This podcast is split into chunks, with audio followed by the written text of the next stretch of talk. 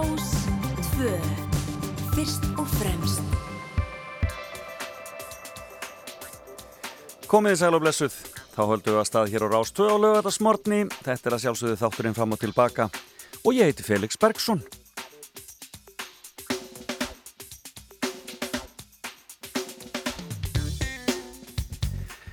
Já, það er rók og ryggning í höfuborginni. Það vantar ekki og daldi leiðilegt að sjá snjóin svona fara að því að fallegur varan. En þetta er svona, það eru umhleypangar í veðrunni hjá okkur eins og heyrist hér í fréttunum áðan og ég bara hveti ykkur til að fara varlega hvar sem þið eruð eins og alltaf uh, og uh, haga ykkar ferðum eftir færð og veðri algjörlega. En það verður mikið hjá mér umleikis í dag. Ég fæ frábæran gest hér í fimmuna á eftir. Það er engin annar en Jóhann Sigurðarsson, stórleikari sem ætlar að setjast hérna hjá mér og söngvari. Og uh, hann er að taka þátt í Emil í Kattólti í borgarleikursunni hann er líka að taka þátt í verkefni sem heitir Jóladraumur sem hann hefur verið að vinna í ásand Guðmundi Jónssoni, gítarleikar á Sálinnes Jónsmíns og um, eða úr Sálinni. Og um, hún er Kristjáni Hreinsinni skáldi. Uh, og hann ætlar að segja okkur aðeins að þessu hér og eftir og líka koma með okkur í fimmu sem er Daldið aðtilsverð, það eru fimm listvur viðburðir sem hafa haft djúb áhrif á hann og breytt, breytt lífans, hvorki meðlum minna. Svo ætlum við að fara í frettagetrun hér um hálf tíu leitið en áður en við gerum það þá ætlum ég að ringja eitt stutt símtal og ég ætla að ringja norður í Mývasveit og heyri henni Herubjörg Þórhaldsdóttur söngkonu sem er þar stött og, og ég held hún hafi verið að syngja þar öruglega í gerkvöldi á svont öðrum og svona aðeins að heyra stemningunni þar fyrir norðan og svona hennar e, framtíðarverkefnum en hún er að fara að halda stóru tónleikana sína. E, Ilmur á jólum. E, en við byrjum að sjálfsögðu á jólalægi eins og alltaf. Og svona þess að tennan mánuðin og mér langar svona að reyna að finna eitthvað svona sem kannski heyrist ekki oft. En en Þetta er lag sem allir þekkja. Þetta er hinn fyrstu jól eftir Ingeborg Þorberg sem sumir segja þessi fyrsta svona frumsanda íslenska jólalægið. En eh, lægið kom út á Íslandi árið 1954 en þar með er ekki öll segjan sögð því að það hafa komið fjölmarkar aðrar útgáfur af þessu lægi og þarna hinn fyrstu jól voru auðvitað við ljóð eftir, eftir hann Kristján frá Djúbalæk. En Ingeborg Þorbergs hafði sjálf uh, samið enskan texta við þetta lag. Beautiful Christmas Time heitir lagið þannig. Og það var ekki gefið út fyrir en árið 2015 og þá var það Þór Breiðfjörð sem gerði þá plötunni sinni. Og eigum við ekki bara að rifja upp þessa fallegu útgáfu af hinnum fyrstu jólum?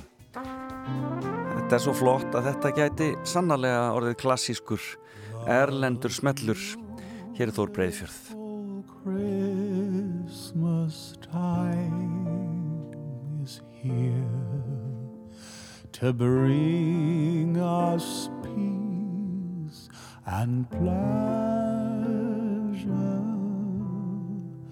Sweet children are asking God to hear the prayer for heavenly measure. The silver bells ring, the angels all sing. It's Christmas, it's Merry Christmas.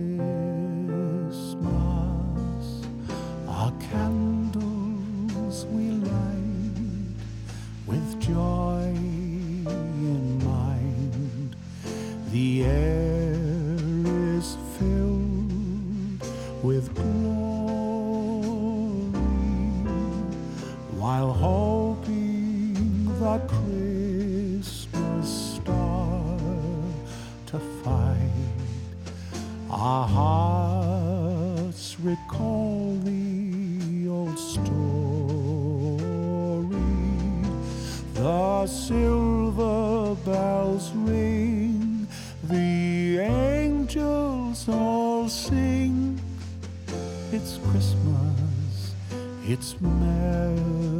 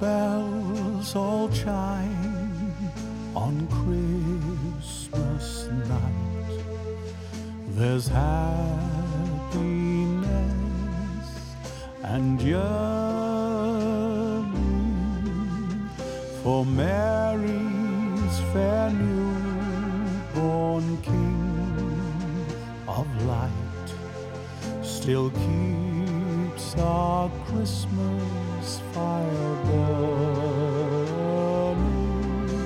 The silver bells ring, the angels all sing. It's Christmas, it's Merry Christmas. The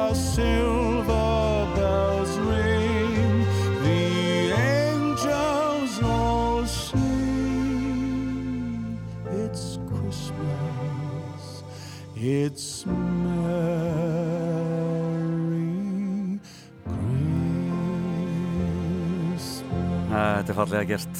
Þór Breiðfjörð þarna og Beautiful Christmas Time eða hinn fyrstu jól En það er komið að jóa sig. Hann er að setja stefna hjá mér og við ætlum að fara í fimmuna hans. Byrjum á jóladraumi. Hér er söngur samviskunar og svo byrjum að rappa við jói eftir smá stund. Í fannfergi um helganótt stóðum við í þegjanda hljóði. Á meðan stjörnurnar tifuðu í taktlausri vít. Þetta var bókstaflega kaldasta nóttin sem komið hafðum langar hríð. Í hjarta mínu var samviskan er söngum byrtu og íl og ég fann það svo vel þegar ómur af rött hennar heyrðist að söngurinn snerti mig já hver söngurinn snerti mig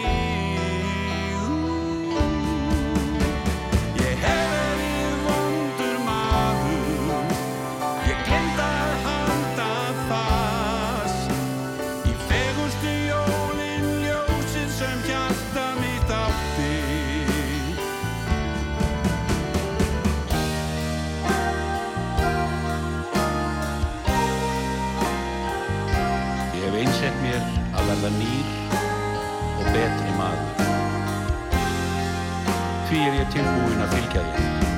Og ég geri það með þakklæti í huga.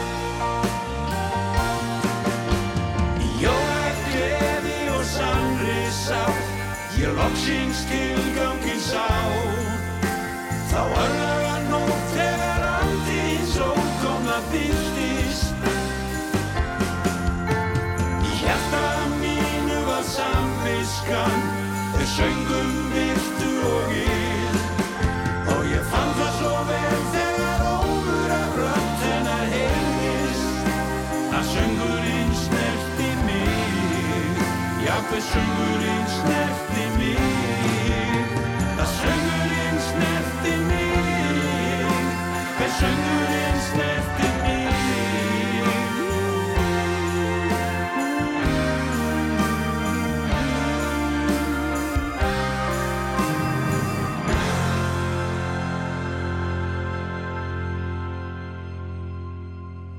Fannfergi um helganótt stóðum við í þegjanda hljóði meðan stjörnurnar tifuðu í taktlausri vít.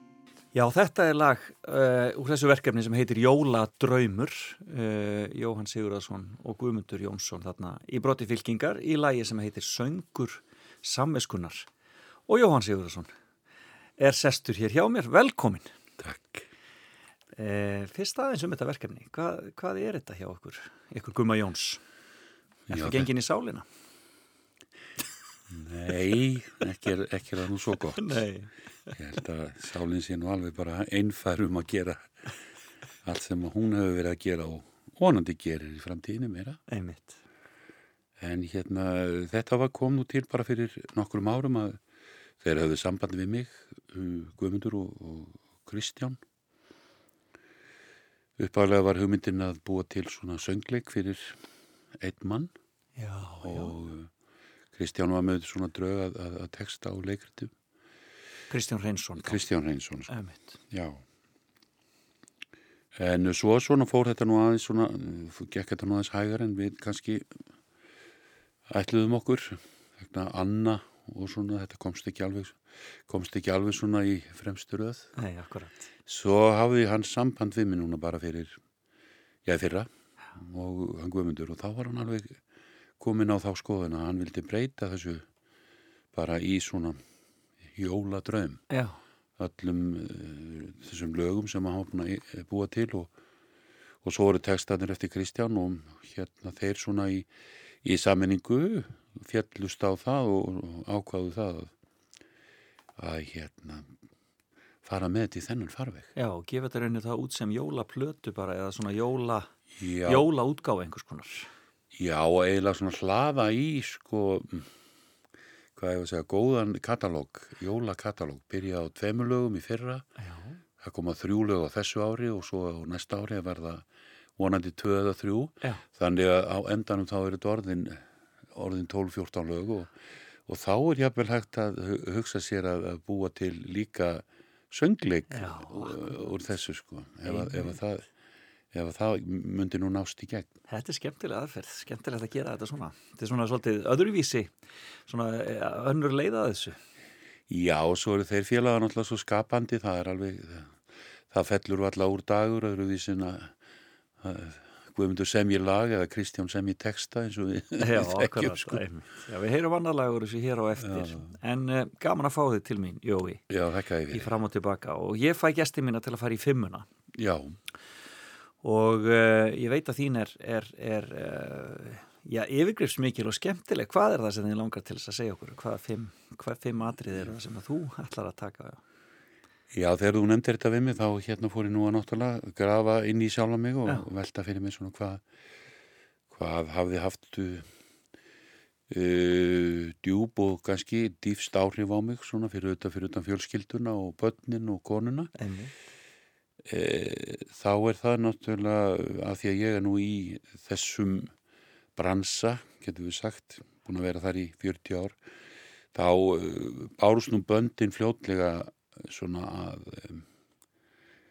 að svona listrænum uh, upplifunum Já. og uh, sem að hafðu þannig áhrif á mig að, að ég var eiginlega ekki sami maður og eftir Já, og það var bæði það sem ég upplifiði og sá og heyrði frá öðrum og svo aftur, aftur það sem bara gerðist innra með sjálfu mér Já. við það að, fara í gegnum ákveðin verkefni sem að höfðu þannig áhrifum á mig að ég í raun og veru bara stökkbreyttist sem maður. Ég varð annar maður eftir. já, akkurat.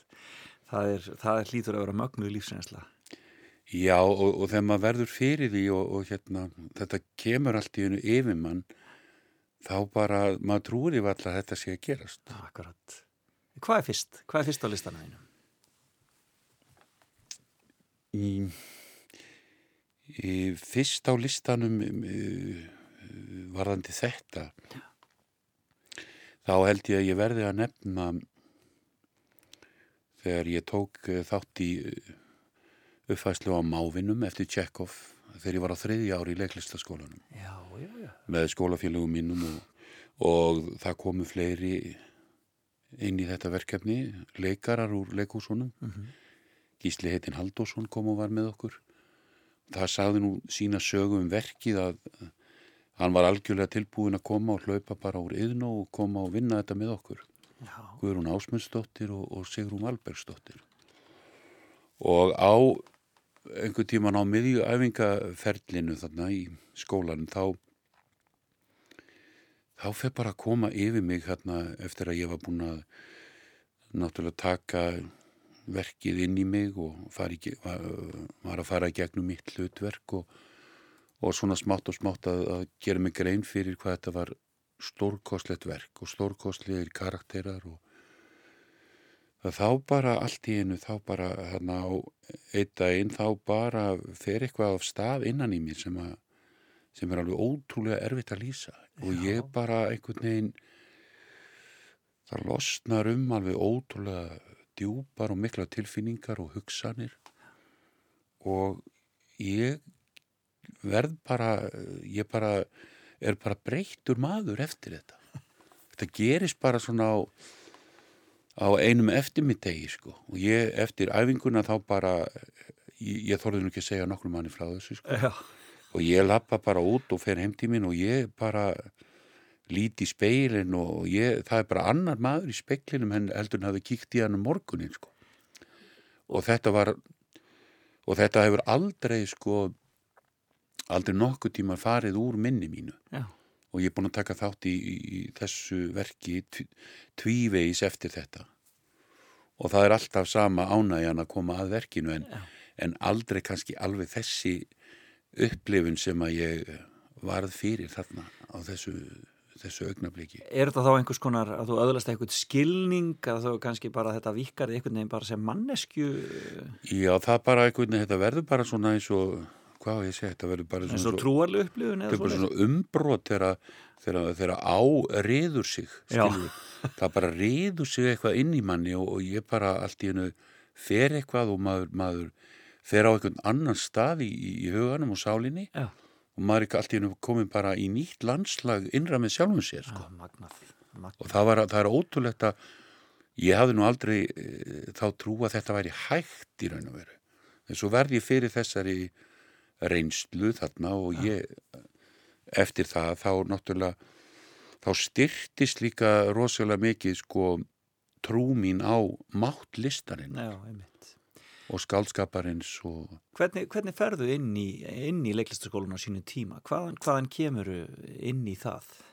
Ég, veistu það, ég eiginlega kom bara beint á götunni sko, Já. nánast. Hvar, hvar, hvar, uh, hvaðan kemur hvar, hvar elstu upp og svo leiðis? ég ólst upp bara hérna í Reykjavík og ég var mikið í sveit líka. Já, og, og hafði leikhúsið spilað einhverja stór rullu í lífinu? ekki sko þannig að ég var í þáttakandi, heldur bara, bara njótandi. Já, og hafði alltaf jafn gaman að því og, og uh, svo var ég nú bara gekk með uh, auglýsingu í veskinu í nokkur langan tíma þar sem var verið að auglýsa eftir auglýsa hérna uh, auglýsa það að það ætti að fara að taka í nefnendur í skólan og, og ég var, að, var með þetta í veskinu og var alltaf að kíkja á þetta annars slæðið og, og hérna mana sjálfan mig upp í það að leggja í þetta já. En varstu þá búið að taka þátt í leiklistastarfi? Nei, ekki neitt Ekki svona? nei, ég bara hermdi eftir í partíum og spilaði á gítar Já. það er nú góð, það nú, getur nú verið góð Já, þá eru fullt af vinni mín þar sem sagði þú ert bara að vera leikari og Já. það er ekki töruvísi Já, akkurat, nema hvað. þannig að það var svona ítt á mig líka En svo, og svo lendir ég þessum frábæra bekk. Svona líka, svona líka sterkum, mm sterkum árgangi. Já, það var mjög gaman sko Þarna voru Sigrún Edda. Já, já, Karl Ágúst, Guðmundur Ólason, Gíó Guðjón Beðisen og Júlíu Sjálfsson, Guðrún Tórótsen og Hörku lið.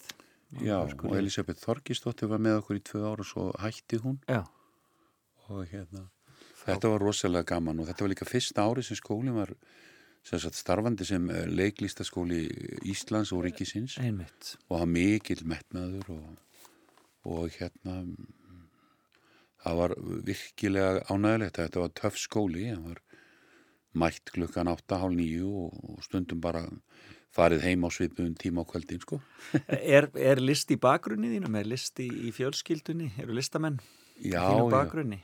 bróður minn er nú píanuleikari Já, einmitt. hérna, lærði í Juilliard og spilaði mikið uh, hérna árum áður en nú minkaði það svona í setjandi spilaði við um heim og mamma er uh, heitinn var tónlistakennari Já, einmitt. þau voru byggu upp í borgarfyrð og mamma spilaði náttúrulega orgeli í kirkjunni og pappi Já, var í kórnum og Einmitt. Hann söng mikið og Þannig að þið, þið hafið haft þessa list svona, og tónlistina og listina í kringum ykkur Já. í uppvextinu. já, alla tíð sko Já. Já. Akkurat. já, já Þetta er magnað, magnað, magnað. En hvaða hlutverk varst að leika í má- máfunum þarna á þessum tíma? Þarna gerist? var ég að leika læknin, Dorn. Ég var 23 ára en, en sko læknirinn er 55 ára. Já, akkurat. Og það var alltaf gaman þegar við vorum að leika, Guðrún Ásmundsdóttir leka á móti mér og, og það í þessu verki er svo fallega senur þar sem að þetta er einhvern veginn allir vilja eitthvað annað en það sem þeir hafa og, og, og, og hérna, gra, grasið er alltaf græna megin. Auðvitað. Og eins og við þrem systrum það lítur að vera að búa, betra að búa í Moskvu heldur en að búa í borginni. Nákvæmlega. Og þá segir einhverju atriðinu þá er, er sagt, Pálína sem að Guðrún líka tala við læknin og það er alltaf ómögulegt í hennar lífi og, og hún náttúrulega heldur að lífið sé betra eitthvað stær annar staðar og segir við læknin taktu mig til þín. Og þá segir læknirinn og ég horfði djúft í augun á henni ég er nú orðin 55 ára gamall og það er orðið seint fyrir mig að taka upp nýja lifnaðarætti og ég þurfti svolítið að við lóum mikið að þessu fyrst eins og þegar þetta var frumsýnt þá þurfti ég að halda mér ansi fasta því að ég heyrði nú þannig að það klukkaði nú aðeins í ekki það er sært að við móður við móður bekkjasistuðinnar Já, Gunna, hún lék þetta svo innilega sko að ég þurfti ekki að hafa neinar á því. Já, frábært, frábært. Heyrðu, já, þetta er, þetta er ótrúlegt að lenda í svona. Hvað kemur næst? Hvað er næst á listanum? Númer tvö. Það er svona í svipum dúr sko. en uh, daldi öruvísi. Það var árið eftir og þá upplifi ég svona sterkar tilfinningar á, ég man þetta svo greinlega, já, 20. og annari síningu á Íslandsklukkunni. Já. Við erum að leika þarna mm, senu, ég og Guðbjörg Tórótsen, Bauja. Uh, Snæfríður og Arneðus er að tala um draum sinum að þau ætla að ríða um landið á hvítum hestum Já. og þá gerist eitthvað í, í sko síningunni sem að er bara þetta sem að er talað um að það er og límist allt saman textin, áhorfendurnir karakterarnir Já. Og þetta verður svona djúbstæði tilfinning sem að bara að það er eins og tíminn standi algjörlega kyrr og það upplýðu þetta nefnilega fleiri í, í hérna hópnum Já. og ekki nómið það að þegar sýningi hann búin þá komu nokkur áhorfundur á bakvið alveg hágrátandi bara skjálfandi og titrandi og þá höfðu þeir orði fyrir þessari upplifun líka sko. Já, þetta er svona eins og svona, eh, já, þetta er svona eins og einhvers konar, já, það verður bara einhvers konar jarðskjálti eða er eitthvað, já, já, er bara eitthvað, eitthvað sem gerist. Þetta, ég man ekki alveg hvað hugtækið yfir þetta er í leiklistinni þetta er svona þegar allt límist saman Akkurat. þess að það verði einn heimur sem allir eru í Já. leikararnir, skáldskapurinn, áhorfendurnir og sagan og allt þetta verður bara og þetta hafði líka gríða ennþá uh, meiri áhrif á mig sko þannig að þarna var ég ennþá sannfærðar um það að ég væri Á réttum stað. já og þetta væri að listin og kunstin væri það sem að sem að væri bara svo ótrúlega mikil svirði Já. í lífinu Þetta er svona einhver svona augnablík sem maður sækist eftir og kom ekkert, kom ekkert alltaf. Nei, og svo það er það nú, það, það, jú, það getur komið svona en, en þessi augnablikt tvö eru svona uh, ótrúlega eftirminnilega í, í mínu, mínu lífi, sko. Já. Og verðu, varð til þess að, að ég styrtist svo óskapli í trúnni á, á, á, á það að ég, hva, hvað listin getur gefið manni mikið. Og þú værir á réttri. Já. Og, er, en þarna eru þið komin í eða Já. hvað? Og hérna, e, var það í tjarnar, tjarnarbæ? nei, það var í Lindarbæ. Í Lindabæ, Já. segi, akkurat Lindabæ á þessum tíma. Já. Akkurat. Og, Þetta voru, þetta voru geysilega góðir og sterkir tímar já, akkurat. og hérna... Og e, fannst þér þú mm, fannst þér þú styrkjast í gegnum þetta náma? Fannst þér þú verða bara betri og betri eftir því sem að þarna, eftir því sem að mánuðinni liðu? Já, ég, ég upplifaði þannig, ég, var, ég, ég nú, ætla nú ekki að skafa utan að því, sko, ég, þetta var uh, mjög heppin í upphafi leiks, Já, fekk gott hlutverk og framhaldinu samning og leik alveg gríðarlega mikið fyrstu árin mín Já. og um, það auðvitað hjálpaði manni að svona komast uh, í betra og dýbra samband við kunstina og Akkurat. Þú byrjar í leikulega Reykjavík. já, byrjaði í, einu og uh, var þar í tæp fjögur ár Já, og uh, svo hætti ég nú þar bara og fór út í, á frjálsan markaðins og það já, og var nú sem við svolítið hrættir fyrir mína hönda ég væri nú að, hvað ég væri að gera. Og það var nút aldrei þannig að menn vildu nú bara koma sér á samning og vera þar. já, þetta voru náttúrulega bara tvö leikús sem voru starfandi sko, svo auðvitað alþjóð leikúsi var þarna en margir fóru þangað en, en þetta svona þetta var ekki eins, eins fjölbreytt eins og þetta er í dag. Og kvikmyndir það náttúrulega ekki komnar svona sterkar inn og, og, og, og þá var, þá var, þá var það útvarsleikhúsi sem var mjög uh, öflugt og starfandi, ég starfaði mikið þar líka. nákvæmlega, akkurat Þannig að, þannig að það var, það var, það var mjög skemmtilegt. sko. Já, akkurat, en, en er, er það svona í þér? Það, þú hefur alltaf verið svolítið svona svona sín í kynntist þér svolítið aðtapnamaður, það er svona þér þú vilt svolítið, þú vilt svona hérna, taka áhættur og prófa eitthvað nýtt og Já, já, svo er náttúrulega bara þrekið er svo mikið, sko. Ég veit ekki hvað þetta er, sko. Þetta er svona, uh, mákona móðuminnar heitin, uh, hún, hún sagði, við vorum ekkert einhverju, einhver tíman í jólabóðu, þá var verið að rifja upp svona æsku ára hvað börnin, hvernig börnin hefði nú verið þegar þau voru lítil. já, Svo lítur hún allt í hún á mig og hún hafði nú aldrei sagt þetta fyrir. Ég segi, Guð minn, almáttur, ég hef aldrei kynst jafn handóðu batni hún í Jóhanni. Þannig að það er kannski sagt að sögu um, um mig að það var, það var daldið þrekaðna fyrir já, til staðar. Já, þurfti að koma orkunni út Já, túrbína hana. Já, já, ég hef alltaf haft, heppin með það sko, það mikið, mikið svona. Og þegar þú stekkur út í djúpu, hvað ferðu þá í raun að gera? Það er eins og þú segir, það er út að sleikúsið og, en þú heldur áfram að leika svona hlutur Já, hlutur já, hjá fullt. leikúsunum alltaf, sko. Já, já, svo náttúrulega fór ég að gera fasta liði eins og venjulega. Já, já. Það var ægilega gaman og, og svo fór ég í hljómsveit, var í hljómsveit í tvö sumur, spilaði á böllum á vestfjörðunum Já, með hvað hljómsveit er það? vagnsískinunum. Já, einmitt. Hvað hétt svo hljómsveit? Hún hétt Prósent, Já.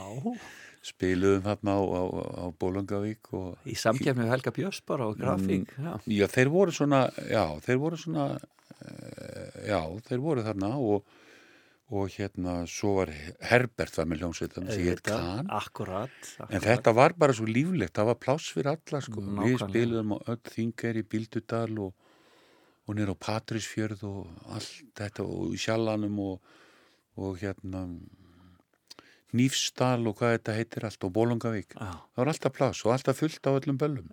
Það var ótrúlegt, sko, þetta er 85 og, og það var svona mest og svo 86 þá fer ég líka í, bíómynd hjá Hilmari Ottsinni hérna, eins og skeppnan nákvæmlega. Og þá þurfti ég stundum að fara á föstudöfum með gummibát úr loðmyndafyrði á Siglufjörð, láta keira mig á, yfir á Egilstæðaflugvöll. Svo flög ég í bæinn og beint þaðan og, vestur til að spila balli. Já, hérna. Þetta var aldrei gaman. Þetta hefur verið, hefur verið, hefur verið keisla. Manni fannst þetta aldrei fjör. Ma, maður hugsaði svo, eins og Siggi Sigur og segir hérna ágættir bíómynd, við vorum allstaðar. Manni þótti það svolítið gaman á tímabili að vera allstaðar. já, við erum láðmynda fyrir um morgunin og komum svo vestur Já, fyrir um þetta kvöldi. Það er, flott og fara í gummibát sko. og ég man nú sérstaklega einhvern einni ferðil ég fer með gu- í gummibátna þá, þá var verið að hérna, fara með ég fór, mér var trúa fyrir því að fara með filmunar sko. Já, vá. Og ég var með þar í gummibátna og það gaf á bátinn sko og ég held þeim mjög þétt Þetta að mér mikið ábyrða hluti. Já, Já, viku, viku vinna. Já. Já, hérna hér. Heyrðu, en uh, þriði, þriði, þriði áhrifald, eða listviðbúður, eða list svona reynslan þín sem þú vilt nefna. Já, það er náttúrulega, ég get ekki hort fram hjá því að þegar ég var uh, í skólanum og fór á ferðalagum Evrópu, fyrsta skipti sem ég fór svona í Interrail Já. um alla Evrópu Já, já, og skoðaði heiminn, já. fyrsta skipti svona París og, og Kaupmannahöfn og allar borgirnar og fór bara í lestum um allt og til Rómar, skoðaði katakompurnar og kirkjurnar. Og þegar ég kem inn í Peturskirkjun í Róm það, það var algjörlega og er algjörlega sko ógleymalegt Bara hugbreytandi já, lífsreynsla. já, það var líka sko var uh, sko uh, bara fegurðinn og, og uh, allt sem er þarna inni sem að ma, ma, mannshugurinn hefur ge gert Já. litirnir og, og þetta var svo stórbrotið að ég bara gleymi þessu ekki að með ég lifi sko. Já, og þetta var svona, hefur alltaf verið mjög, mjög djúft í, vitundinni að hafa átt kost á því að fara þarna svona ungur og vera svona áhrifagjarn og fá, fá þessi áhrif. Hvað hefur, varstu gamall þarna heldur við? Allir hafi ekki verið, 20, já, 23 Já, já, já. Og varstu einn á ferð þarna á þessu? Nei, nei, þessu ég var, nei, nei, ég var, nei, nei, ég var með vinkonu minni Já, einmitt. Og hérna, og þetta og, og svo náttúrulega bara kólusefumið og katakompurnar og Þetta er ótrúlegt. Þetta Hefur eins komið aftur til Rómar eftir þetta? já, en það er allt og stutt, sko Já. eins og ég sagði við Elling heitin Gíslason einhver tíma þegar hann var að fara í frí og það, hann og Brynja og ég spurði hvert eru það að fara hann sagði, við erum að fara til Rómar Já. já, og hvað ætlaði að vera tværra vikur þá horfði hann fast á mig og svona með smá þótta og sagði jói þegar maður fer til Rómar þá er maður í 90 daga Það var bara svoleiðis. Já. það er svo þú veist þú getur verið í Róm alla æfi og ekki séð allt sem, sem er þar sko. Nákvæmlega. Erlingur vissi það. Já, og hann fór og þau voru í 90 dagar Já, sko. svona á að gera. Heyrðu, við skulum taka okkur smá pásu Já. og uh, það hleypa frá okkur tíminn. Já, Ég ætla að koma hérna einu lagi, litlu jólalagi sem að þú gerði með ettu heiðrúnu, blessu sér minnikanna, Já, blessu sem minningan. á sínum tíma. Eh, og þú myndir ekkert eftir þessu, því ég hefndið upp á þig. Nei, það var svona, þetta var aðeins farið að fenna yfir þetta, ég skal bara játa það. Já, Þetta heitir á íslensku getur verið og á ennsku It's beginning to look a lot like Christmas. já. Skulum heyra í Kornungum Jóhannes. Getur verið að nú sé haldinn hátíð. Hvert sem litið er. Eru allir á fullri ferð Flýsandi krakkamenn. Hendist um með söng á vörum sér. Getur verið að nú sé haldinn hátíð. Róp og söng var gól. Hljómum göðunan hátt og látt Svo ég held að verði brátt. Haldinn blessuð heyra nonni og sveitn og hann Sigurður hreinn er að suðum titt á það lið Og skúlin og öll þessi skínandi börn út á skó og spásokka við. En papp og mamma vilja varum líf lítið við Getur verið að nú sé haldinn hátíð. Hvert sem lítið er Má svo kertið að greni grein. Gráðan jóla svein Sem eftir langa kvíld er komin hér. Getur verið að nú sé haldinn hátíð Hér við norður pól. Það er dansað og hlegið hátt Svo ég held að verði brátt Haldinn blessuð jól. Ég heyra nonni og sveitn og hann Sigurður hreinn er að söðum tind á það lið Og skúlin og öll þessi skínandi börn út að skó og spásokka við. En papp og mamma vilja varum pínu lítið við. Getur verið að nú sé haldinn hátíð. Hvert er Má svo kertið að greni grein Gráðan jólasvein Sem eftir langa hvíld er komin hér. Getur verið að nú sé haldinn hátíð Hér við norður pól Það er dansað og hlegið hátt Svo ég held að verði brátt Haldinn blessuð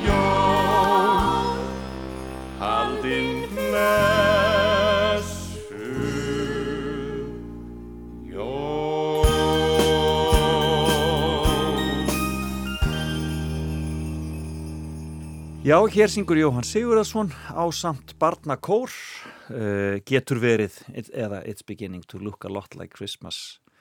Og þetta vannstu með Ettu Herúnu Bakmann Já, við, við á unnum, unnum ekki saman.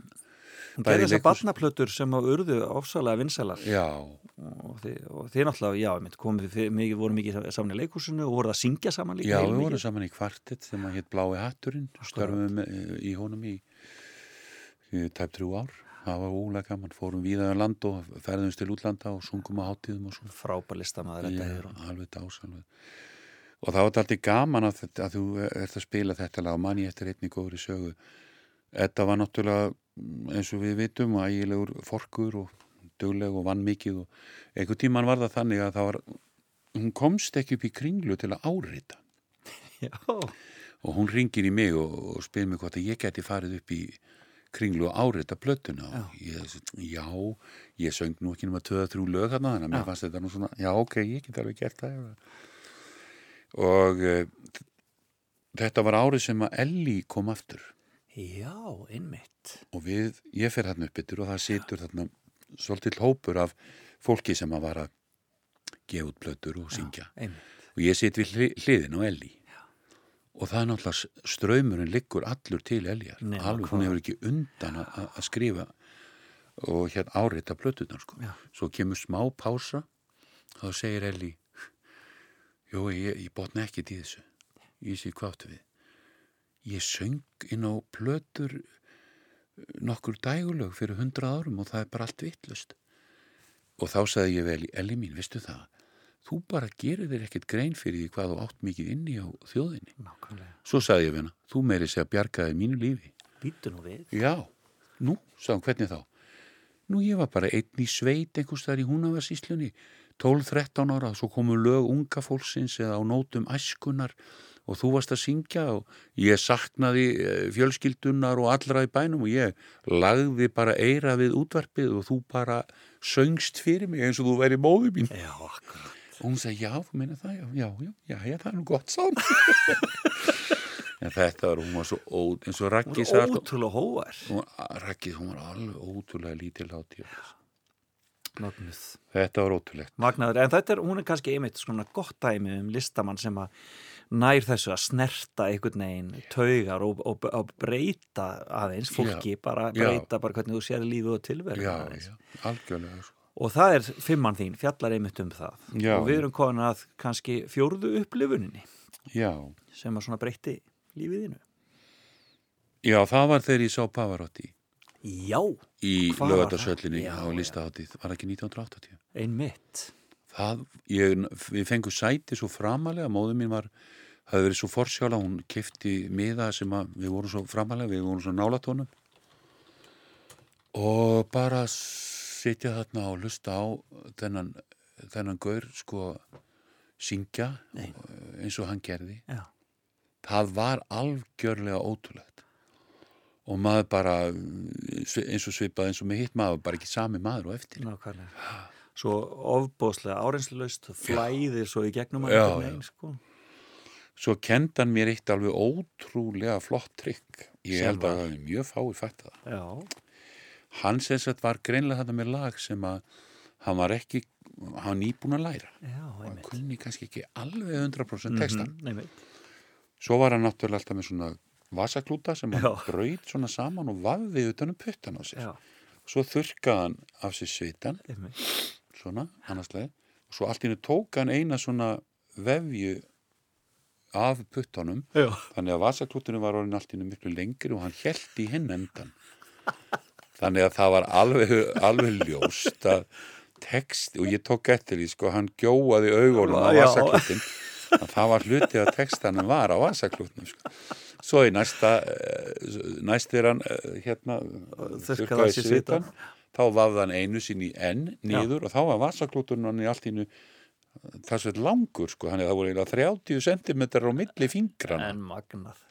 svo þegar læginu lög þá vattan vasaklúti mjög snirtilega upp á fingurna á sér aftur Já. þurrkaði sér og neyði sig Þetta er sko gera en þetta. söngurinn var náttúrulega alveg sko með ólíkindum sko. og einmitt þess að segja þetta var áreinslu leysið og, og bara þessi þessi svakalegi skrokkur og, og hérna hvernig hann gerði þetta og hvernig hann fór með þetta allt saman Það er ást mikil áhrif. já, hvort sem það var stert eða veikt eða Akkurat.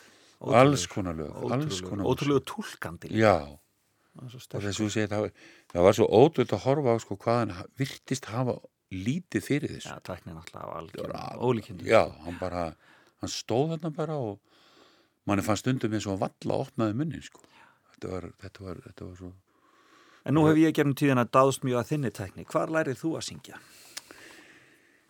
Eh, ég var nú svo heppin að um, alast upp eh, með tónlistafólki, móðu minni og bróðu minni Já. það var aldrei eðlilegt sko, það var hlustað á allt á mínu heimili, hvað sem það var færisk þjóðlega tónlist eða Brahms eða Rachmaninoff eða, Eða í- Polyphone-kórin Eða óperur bara? eða- Já, þetta var allt einhvern veginn, það var all hlaðborð af tónlist sko. og svo náttúrulega lærði ég í, í leiklistaskólanum hjá henni fjólu, byrjaði þar og í framhaldinu, ég var ekki búin með leiklistaskóla þegar mamma fór að íta á mig, hvað ætlar ekki að fara ætlar ekki að fara að syngja fyrir hann demma?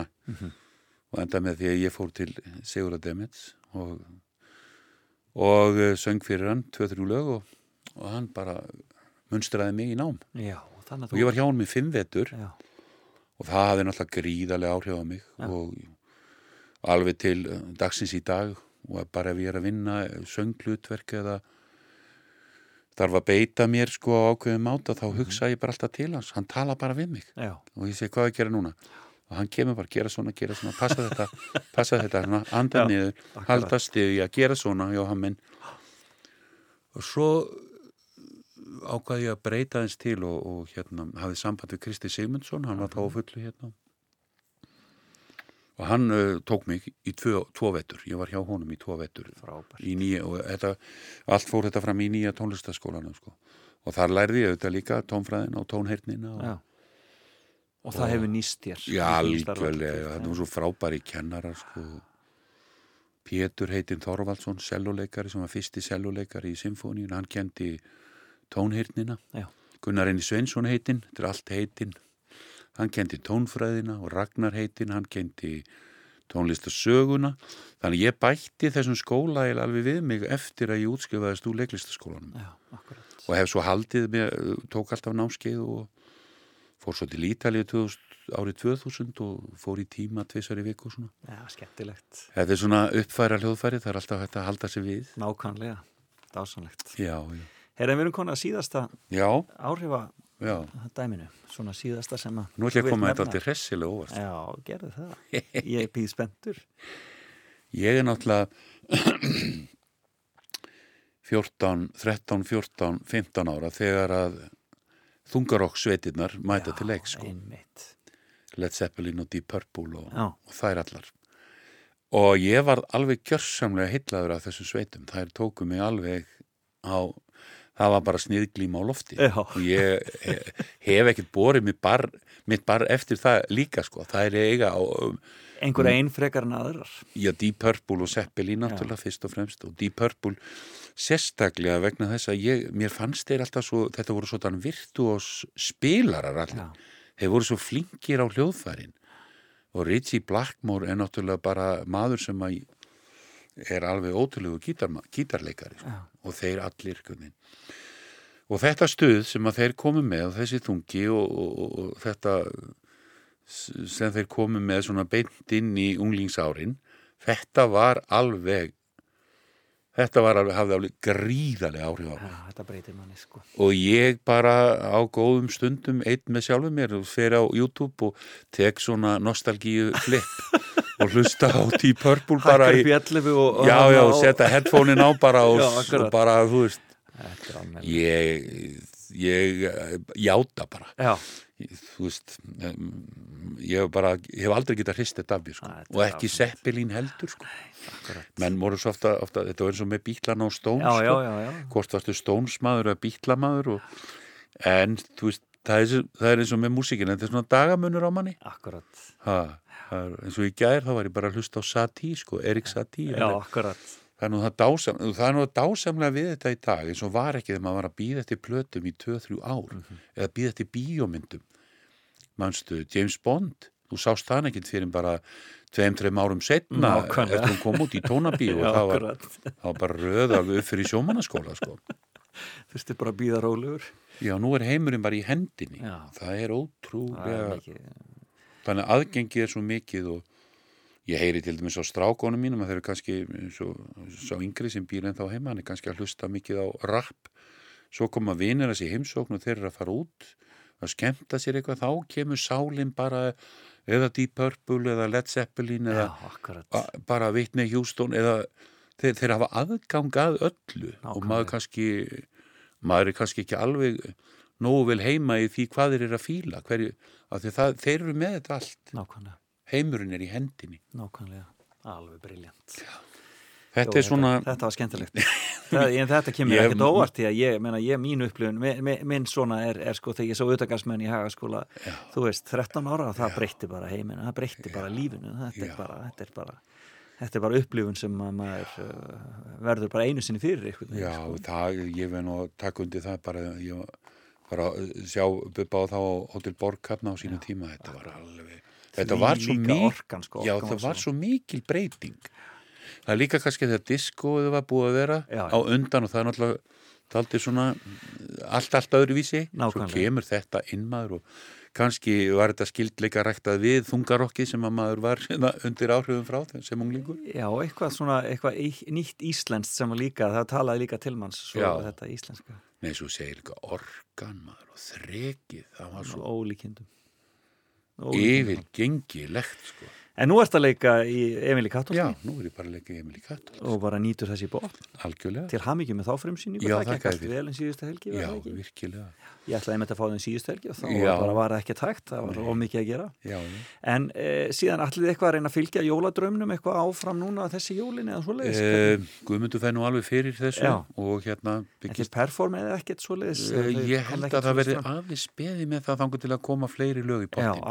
Gæti verið á næsta ári, ef það eru komin sko 8 til 10 lög, þá er kannski hægt að gera þetta og að slá í tónleika já, hugsalega þá með einhverjum skemmtilegum slögurum svona í bland Brilliant. sem passar inn í. Þú leifur okkur að fylgjast vel með því Já, já. Við skulum enda þetta á að heyra lægi sem þið salka sunguð í fyrra e, Mhm. Lítil kerti í myrkum heimi Þetta er úr þessu, Já, úr þessu verkefni Já, Já, já. og fekk mikla spilun hér hjá okkur á Rástvö og þarna og það hefur alla byrðið til að vera svona klassíst, klassíst jólalag. Var ekki, gaman, var ekki gaman að syngja þetta? Jú, ég, þegar ég heyrði þetta fyrst, ég var alltaf voðalega skotin í þessu lagi. Já. Guðmundur var fyrst svona, já, er það, er, er, er þetta málið? Ég sagði, já, þetta er alveg ótrúlega skemmtilegt lag og það fór einhvern veginn alveg strax undir skinnið á mér, þannig að ég, ég barðist alveg fyrir því. Frábært. Jóhann Sigurðarsson, gaman að fá þig í þáttin, kæra þakkir. Þakka þér fyrir sömu leysinu. Þú sóttir mig um jólin Er ungur ég skilin var eftir Ég sá þig kæra sýstir Ég sá þig kæra sýstir Svo fögur og góð. Þá gafstu mér glaða daga. Já, minningin okkar er mögnuð. Já, minningin okkar er mögnuð. Við vorum þarna tvö Lítil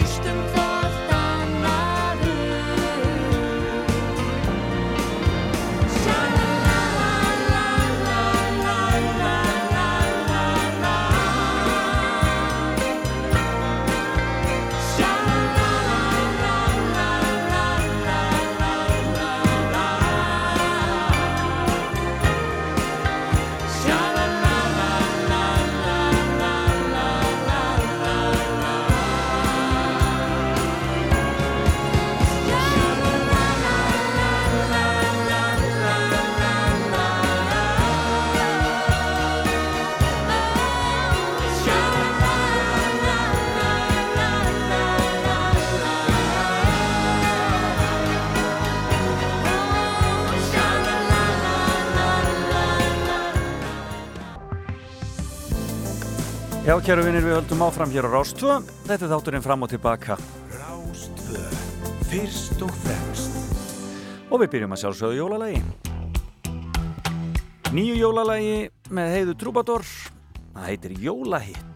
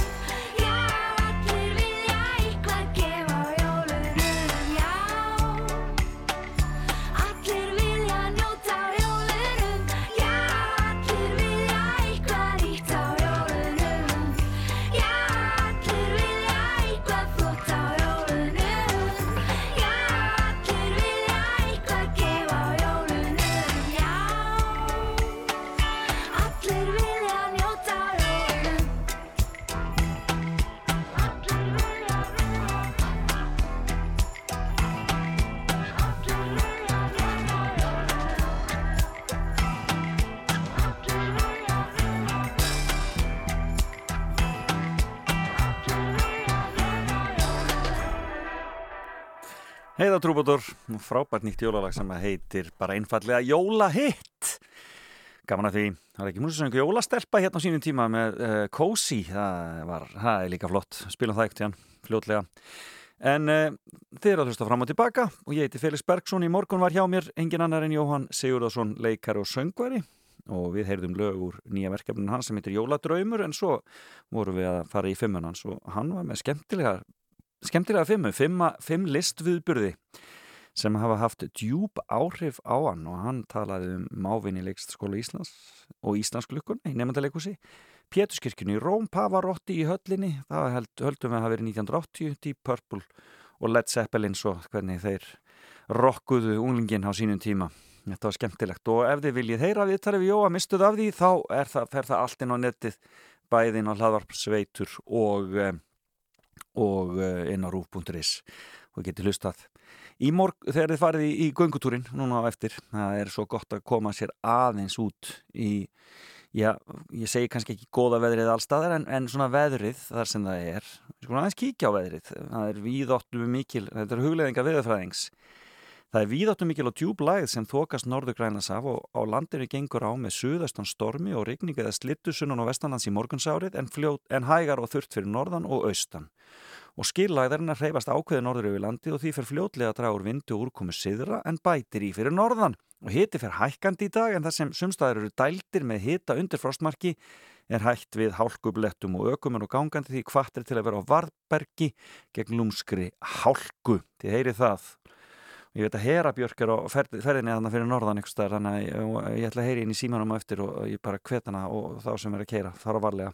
Suðastanstrekkingur og viða dál til rigning eða skúrir síðdegis og áfram sveipa viður á morgun en þó heldur svalara og svo eru breytilegar vindáttar eftir helgi með úrkomi flestum landslutum og hita kringum frostmark. Já, og svo segja það að stefni í rauði jól. Oh, svona er þetta.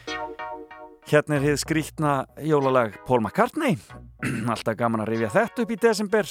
Wonderful Christmas Time. Þarna voru menn búin að uppkvöta synthesizeruna og bara, já, þetta var bara eins og leikvangaboks fyrir mann eins og Paul McCartney. The mood is right. The spirit's up. We're here tonight. And that's enough. Simply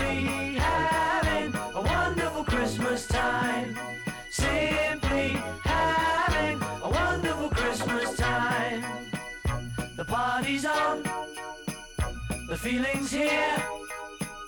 That only comes this time of year. Simply having a wonderful Christmas time. Simply having a wonderful Christmas time. The choir of children sing their song.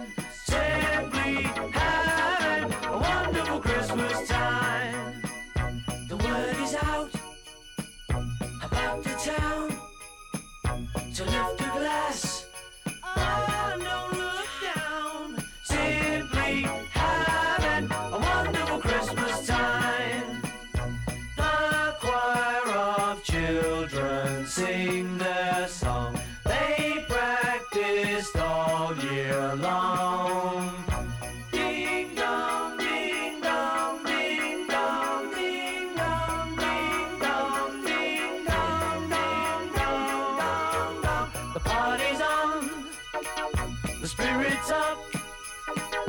We're here tonight, and that's enough. Simply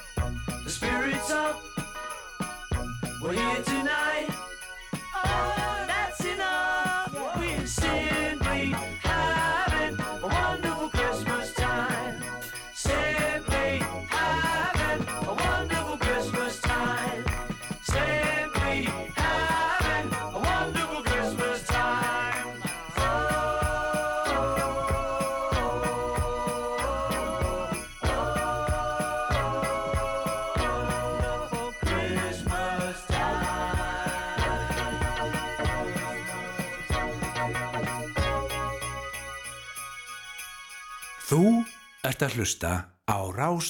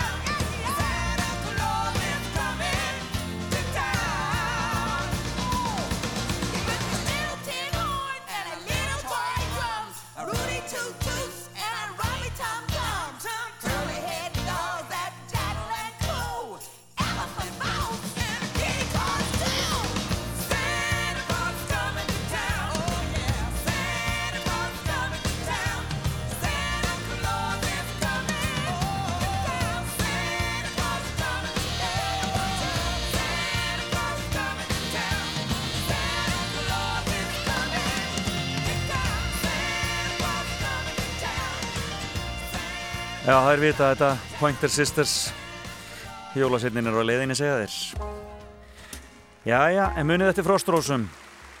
Nú ætla ég að reyfja upp skemmtilegt. Þetta er lag sem að þau sungu saman Hera Björk og Raggi Bjarna. Það heitir Góða óskum gleðilega hátíð og svo ætla ég að reyna að ná í Hera Björk. Hún er á leiðinni inn á Akureyri. E, og eh, bað mig að ringja aðeins síðar. Hún var með áhyggjur af því að, að, að, að síminn getur dottið út. Það var einhverju pollar á leiðinni þannig að við sjáum hvort þetta gengur eftir þetta lag. Hlustum á Hörubjörg og Rakabjörn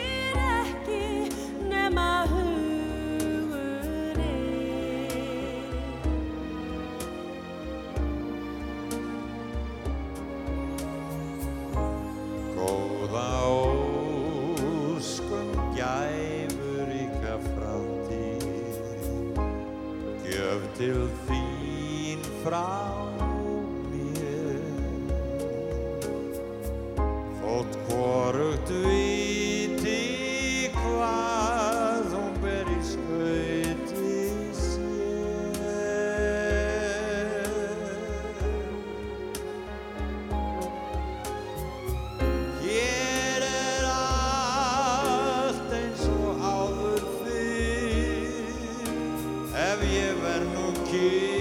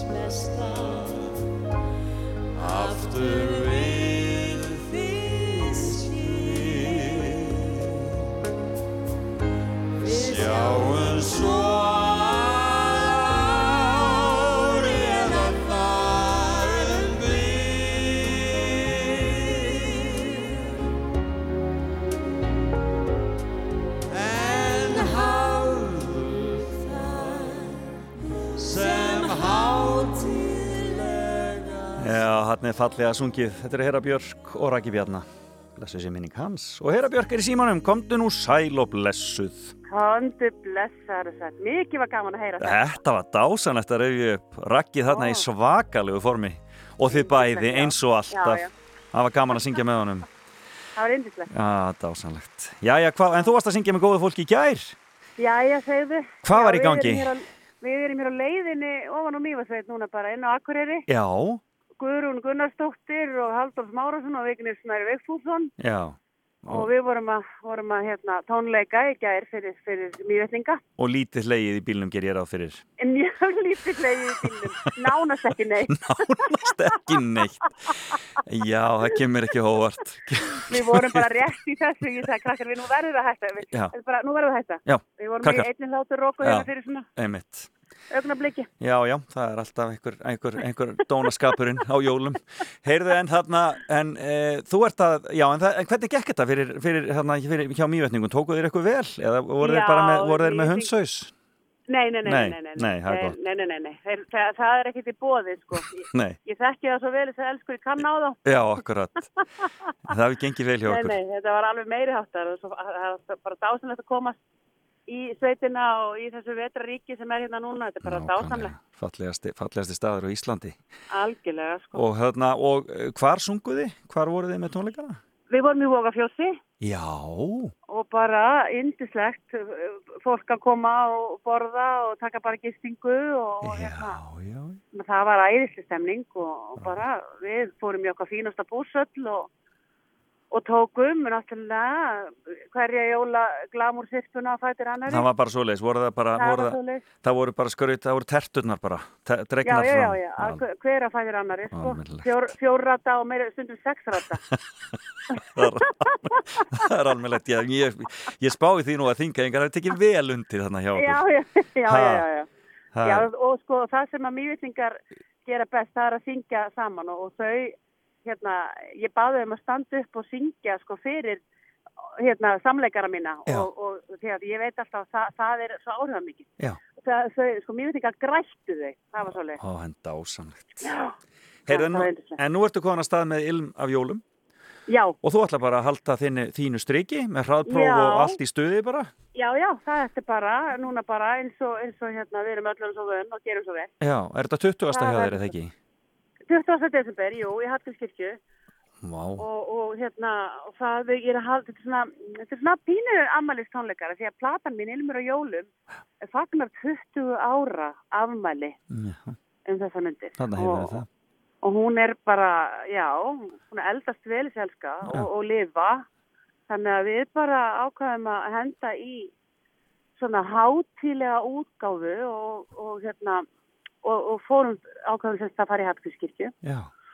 Og þetta verður bara geggjað, Páll Óskar kemur og mamma kemur og, og dóttir mín Þórti Stetra kemur og Ari Ólafs kemur og Já, það er kór og það er strengja kvartett og, og karlarattirnar og að þetta ásamlega tónlistamenninni, þetta verður geggjað. Og bara- tákmálstúlkar, og tákmárstúlkar. já, Já, það var skemmtilegt þetta myndband sem þú síndir hérna sem kom inn um daginn sem að maður hafði ekki séð áður þar sem þú táknastúlkar Já. sjálf þitt eigið lag. Já, þetta er 20 skemmtilegt ára gammalt myndband sko, og þetta er lag af eins þessari og plötu sást á þá make-upinu. Já, make-up var mjög gott ég mitt veldi fyrir mér hvað gerðist Já, það var sko, það var hérna, eh, þá var ég að læra tákmál sko, Já. hérna fyrir þessum rúmum 20 ára síðan. Einmitt Þannig að þá skellti ég þetta, þetta er eiginlega, er fárunlegt að þetta skulle ekki hafa gert sko fyrr. Já, hvað hva heitir lagið sem að er, fólk vil kíkja á Það heitir? Jólatími. Jólatími Er á fyrstu plötu, þessi fyrstu Ilmur og Jólum plötunni sem kom út 2000. Og Þannig hérna, og núna ætlaði það að mæta, það er koma þrjár sem að, sem að hérna, eru í klúbi sem heitir Hraðarhendur. Já. Og hérna, ætla að tákma stúlka okkur öll bara og allar, allan lagabolkin. Þetta verður geggjað. En skemmtilegt Við skulum, heyra, dansara, sko. við skulum heyra titillagið Ilmur á jólum Hvar getur fólk náð sér í miða á tónleikana? Á Tix. Já, það er á Tix. Tix.is. Heyra Það er eh, kistu alla í bílnum eða minn sko stið svona Ég geri byrði það. að skila í kæri kveðju frá mér Ég lofa því. Góða ferðin og akkureyri Takk elskan. Bless, bless Bye. Hvað eru jól nema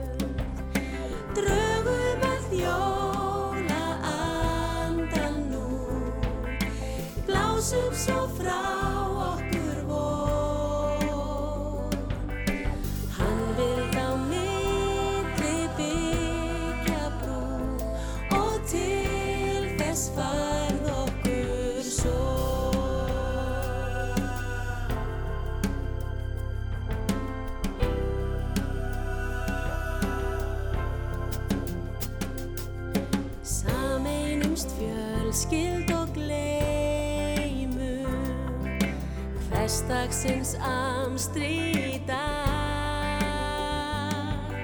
Við elskum,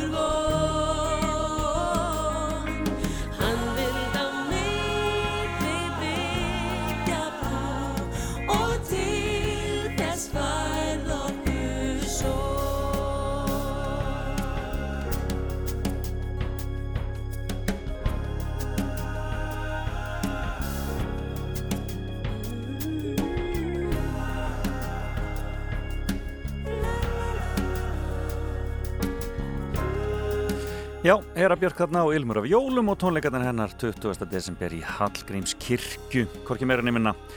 Og uh, við ætlum að fara að fara að skella okkur í fréttageturinn hér í fram og tilbaka. Þá með þið ringja 5687123 5687123 en það verður ekki alveg strax því að við ætlum að heyra eitt lag, eða auglýsingar og svo eitt lag áður en við fyrir fréttageturinn og fáum lag með nýjustu st- stórstjörn okkar Íslandinga Birki Blæ Óðinsinni sem að vann sænska ædolið í gerkvöldi hvorki meirni minna. Og það er nú meira en að segja það að vinna ædolið í því landi. Er, það er bara eins og trúabröð þar. Og það kemur mikið óvart ef að hann yrði ekki meðal keppenda í Melodífestivalin í árin það kemur í ljós. Við tökum eitt skref í einu þessu, fáum auðlýsingar og heyrum svo í Birki Blæ af plötunans sem kom út árið 2020. Þú ert að hlusta á Fram og Tilbaka á Rástvö.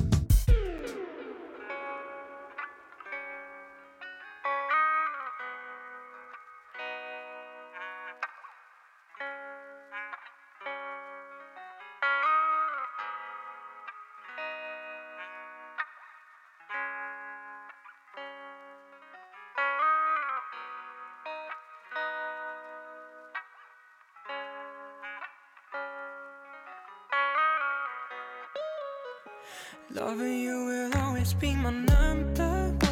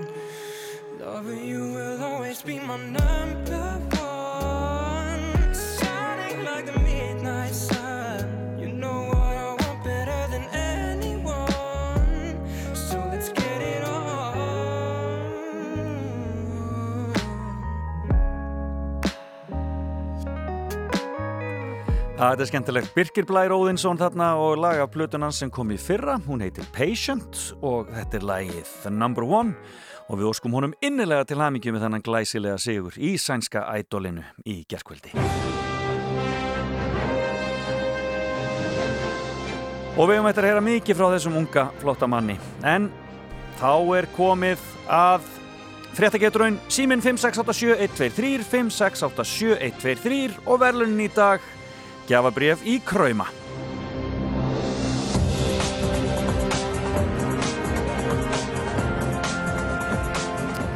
Og rosalega margt og mikið búið að vera í fréttunum og uh, af ímsu að taka hér. Og ég held að ég sé bara til í þetta. Hér loga alla línur, allir til í að fara í Krauma og við byrjum á fyrsta hlustanda hér. Góðan og blessaðan daginn. Góðan dag. Já, sæli nú. Sæl, hvaðan ertu að ringja?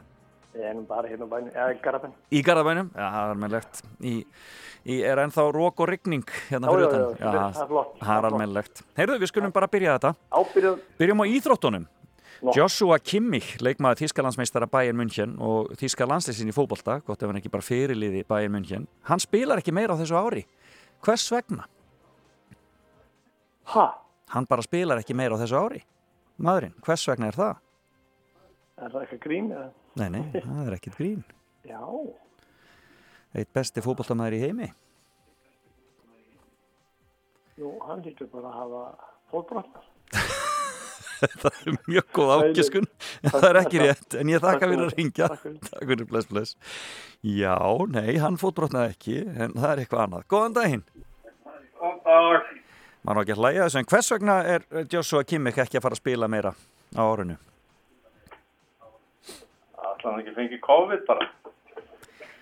Jú, það er bara alveg hárétt hjá þér hann nefnilega fekk COVID og það kom í ljósa að hann var óbólusettur og er núna með, með erfiða lungna erfiðleika sem að þarna, er að halda hana frá knaspinnuvellinum að minnstakosti fram eftir fram yfir áramót Já.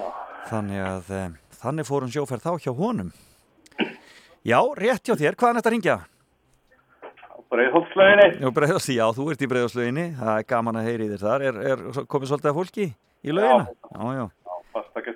gott, gott að heyra Heyrðu þá spyr ég, Bergsveit Birgisson rítuundur sakar Ásker Jónsson sæðlabankastjórum rítstuld og hann gerir það í vikunni en hann segir að bók Áskers, Eyjanas Ingóls, sé byggð á sínu verki en hvað heitir verkið hans Bergsveins sem um er að ræða? Ó, ég veit ekki, veit það ekki. Þú veist það ekki? Nei. Nei, ok. Heyrðu þann takk fyrir að ringja, við helsi breiðoltið. Það var Takk, bless, bless. Nei, hann vissi það ekki. Þetta var með sölu bók hér. Góðan daginn. Já, góðan dag. Góðan daginn. Manst þú hvað bókin hans, hans e, e, Bergsveins heitir sem að sem að hann e, segir að, að Áskir hafi stólið af sér. Býtum við, eh, viltu byrja spurningun upp á nýtt fyrir mig? Já, sko Bergsveit Birgisson, hann sakar Ásker Jónsson Sæðlabankastjórum rítstuld og segir að á bók Áskis Eyjana Singul sé byggð á sínu verki en ég er að spyrja hvað heitir verk fyrir Nei, ekki hugmynd segjum við. ekki hugmynd, heyrðu, takk fyrir að ringja Það. bless, bless, bless. Já, einhver veit þetta að núti það hlýtur að vera. Góð, nei, ekki þessi greinilega maður spyrir næsta, góð, nei, ekki þessi heldur já, hérna hér, góðan daginn veist, halló, heyrður í mér nei, þessi heyrður ekki í mér heldur þetta er ótrúlega, góðan daginn Góðan dag. veist þú hvað verkið hans Bergsveins Birgissonar heitir? Heitir hún ekki svarti vikingur? Þú ert mjög heit, þetta er ekki alveg rétt samt. Manstu, getur þú ríðað þetta upp eitthvað betur? Nei, nú þar fór hún, já, nei, hún myndi þetta ekki. Góðan dag! Góðan dag. Við erum eiginlega að koma helmingin af þessu. Góðan dag, veist þú hvað bókin heitir? Hans Bergsveins. Bókin hans Bergsveins Birgissonar sem hann segir að, að, að Ásker Jónsson, seðlabankstjóri. Nei, ég maður ekki. Nei, þú veist það ekki. Heyrðu, takk fyrir að ringja. Já, bless. Já, þetta er svona þúnt. Góðan daginn.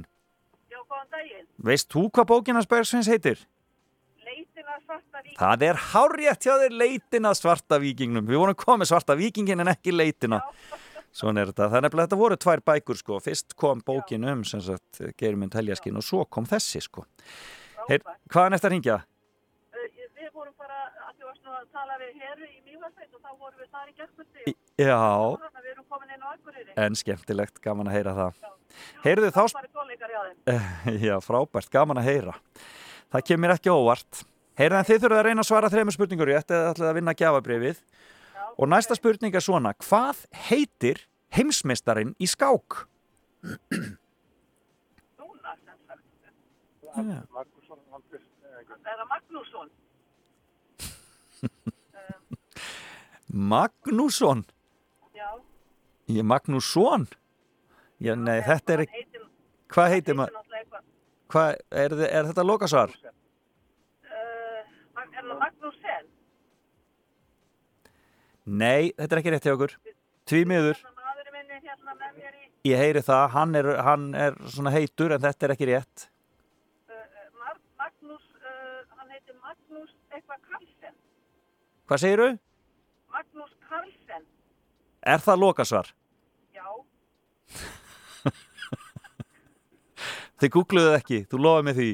Já, já, þetta er rétt hjá ykkur. Hann heitir Magnús Karlsson. Heyrðu, Það Magnús Sen og svo verður hann að hugsa. Hann er, hann já, er já, klár í þessu. svona er þetta, vel gert. Heyrðu, þá er það spurning hvort þið náðu þriðju.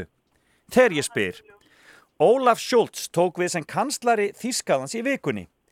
Hvað hafa margir gengt stöðu kanslara frá því að Berlínarmúrin fjall? veit ekki því. Uh, uh, Er það lokasvar? nei, uh, þrýr, jú, þrýr. Lokasvar. Ein kona. Já, Já, þrýr, og ein kona. það er ekki rétt. Ok. Ekki rétt. Takk fyrir að ringja. Er verið heppin. Já, takk fyrir. Bless, bless. Nei, ekki, þrýr er ekki svarið. Góðan daginn. Góðan dag. Hvað hafa margir gengt stöðu kanslara frá því að Berlínamúrin fjall? Þeir eru fjórir. Það er hárrétt. Og það er Kohl og Schröder, Merkel og svo Schultz. Þeir nefnilega sitja svo lengi þessi kanslarar hérna í Þískalandi. Já, alveg ótrúlega. Alveg ótrúlegt. Hvaðan er þetta að ringja? Og horfna fyrir Já, gaman að heyri í þér. Hvernig, hvernig blæs á ykkur í dag? það blæs og það er ekki Já, alveg. Það er eins og þetta er. Heyrðu þá spyr ég þig og, og uh, nú skulum við hafa hraðar hendur. Hann Ragnar Kjartansson, hann opnaði síningu um helgina í listamiðstöðinni GES2 í höfuborg Rúslands, stóra síningu og þar endurgerir hann til dæmis bandariska sápuóperu og ég spyr hvaða sápuópera er það sem hann endurgerir? Er Santa Barbara. Það er hárrétt hjá þér. Santa Barbara er það hillin. Heyrðu, þú færð þriðju spurninguna þá og nú verður spennand að sjá hvort þú klárar þetta. Þegar ég spyr, ný brú á höfuborgarsvæðinu var kynnt í vikunni og hún á að vera tilbúin árið 2024. En hvar liggur þessi nýja brú? Liggur ekki frá Karsnesi og yfir í, hérna, já, hvað? Yfir á, hérna, flugvallarsvæðið. Hva, manstu hvað hún heitir? Alda. Já, það er rétt. En yfir hvaða vóg? Ég er nú svolítið að, að, að, að hérna, Æ, kópavók kannski bara, eða þarna, ég, ég veit að hún fyrir hérna yfir í nautalsík, ég er bara ekki alveg, Nei, nei, ég er ekkert að pína þig meira með, þú ert alveg með þetta, en hún heitir Fossvogsbrún, þetta er yfir, Já, þetta kann tala um sé yfir Fossvog, en ég gefi þið bara rétt fyrir þetta því þetta var hárrétt hjá þér. Og hvað heitir konan? Hún heiti Guðni, Guðný, hversdóttir af Svavastóttir, gaman að heyri þér. sjömi leiðis. Má ég ekki bara senda þér gjafabriðu Guðný? Jú, takk, það væri ljómandi gott. Hvaða heimilisvangarstu með? Það heit Smárabraut 7 Smárabraut 7, og 780 höfn. 780 höfn. Ég byrði að heilsa ykkar góða fólki og sérstaklega krökkunum. Það var ótrúlega gaman að koma að heimsækja þau núna uh, á haustdögum. Já, því, ég, ég skal koma því, ég hugsa að það sé nú kannski bara komið til sko. endilega. Já. Endilega byrði að heilsa öllum. Frábært, já. Ég hótna fyrir. því. Kæra þakki fyrir að ringja Guðný Já. gaman að heyri í þér og verður bless og, gle og gleðilega hátíð. Já, gleðilega hátíð. Bless, bless. Já, þar með fór það. Það var hún Guðný Svavastóttir á höfni hótnafyrði sem að tók þetta.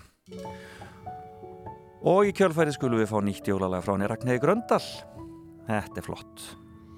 um farin fjarlægan veg fylgjumst að þú og ég hjartans og lítil kviknar glóð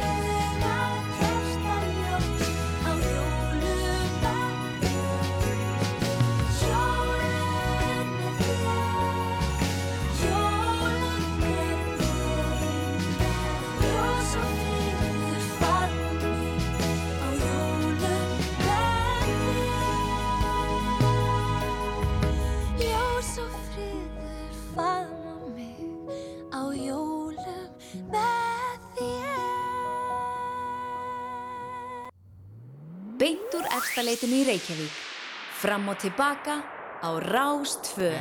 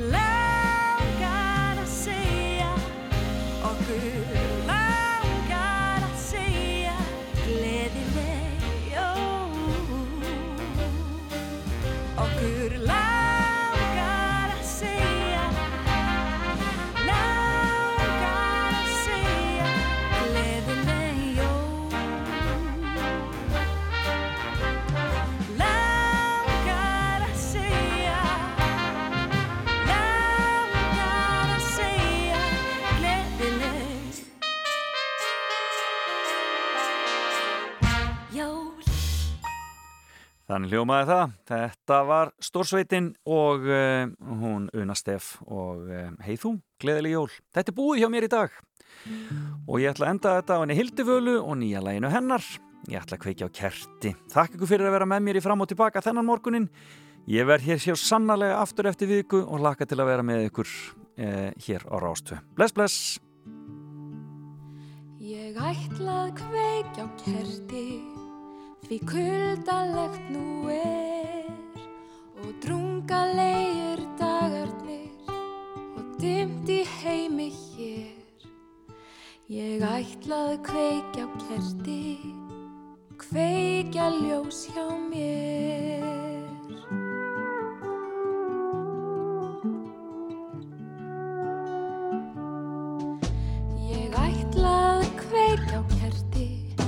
Því klukkan hún er margt. Og allt er hér svo óskaplega Annarlegt og hart. Ég ætla á kerti Því kvöldið er svo svart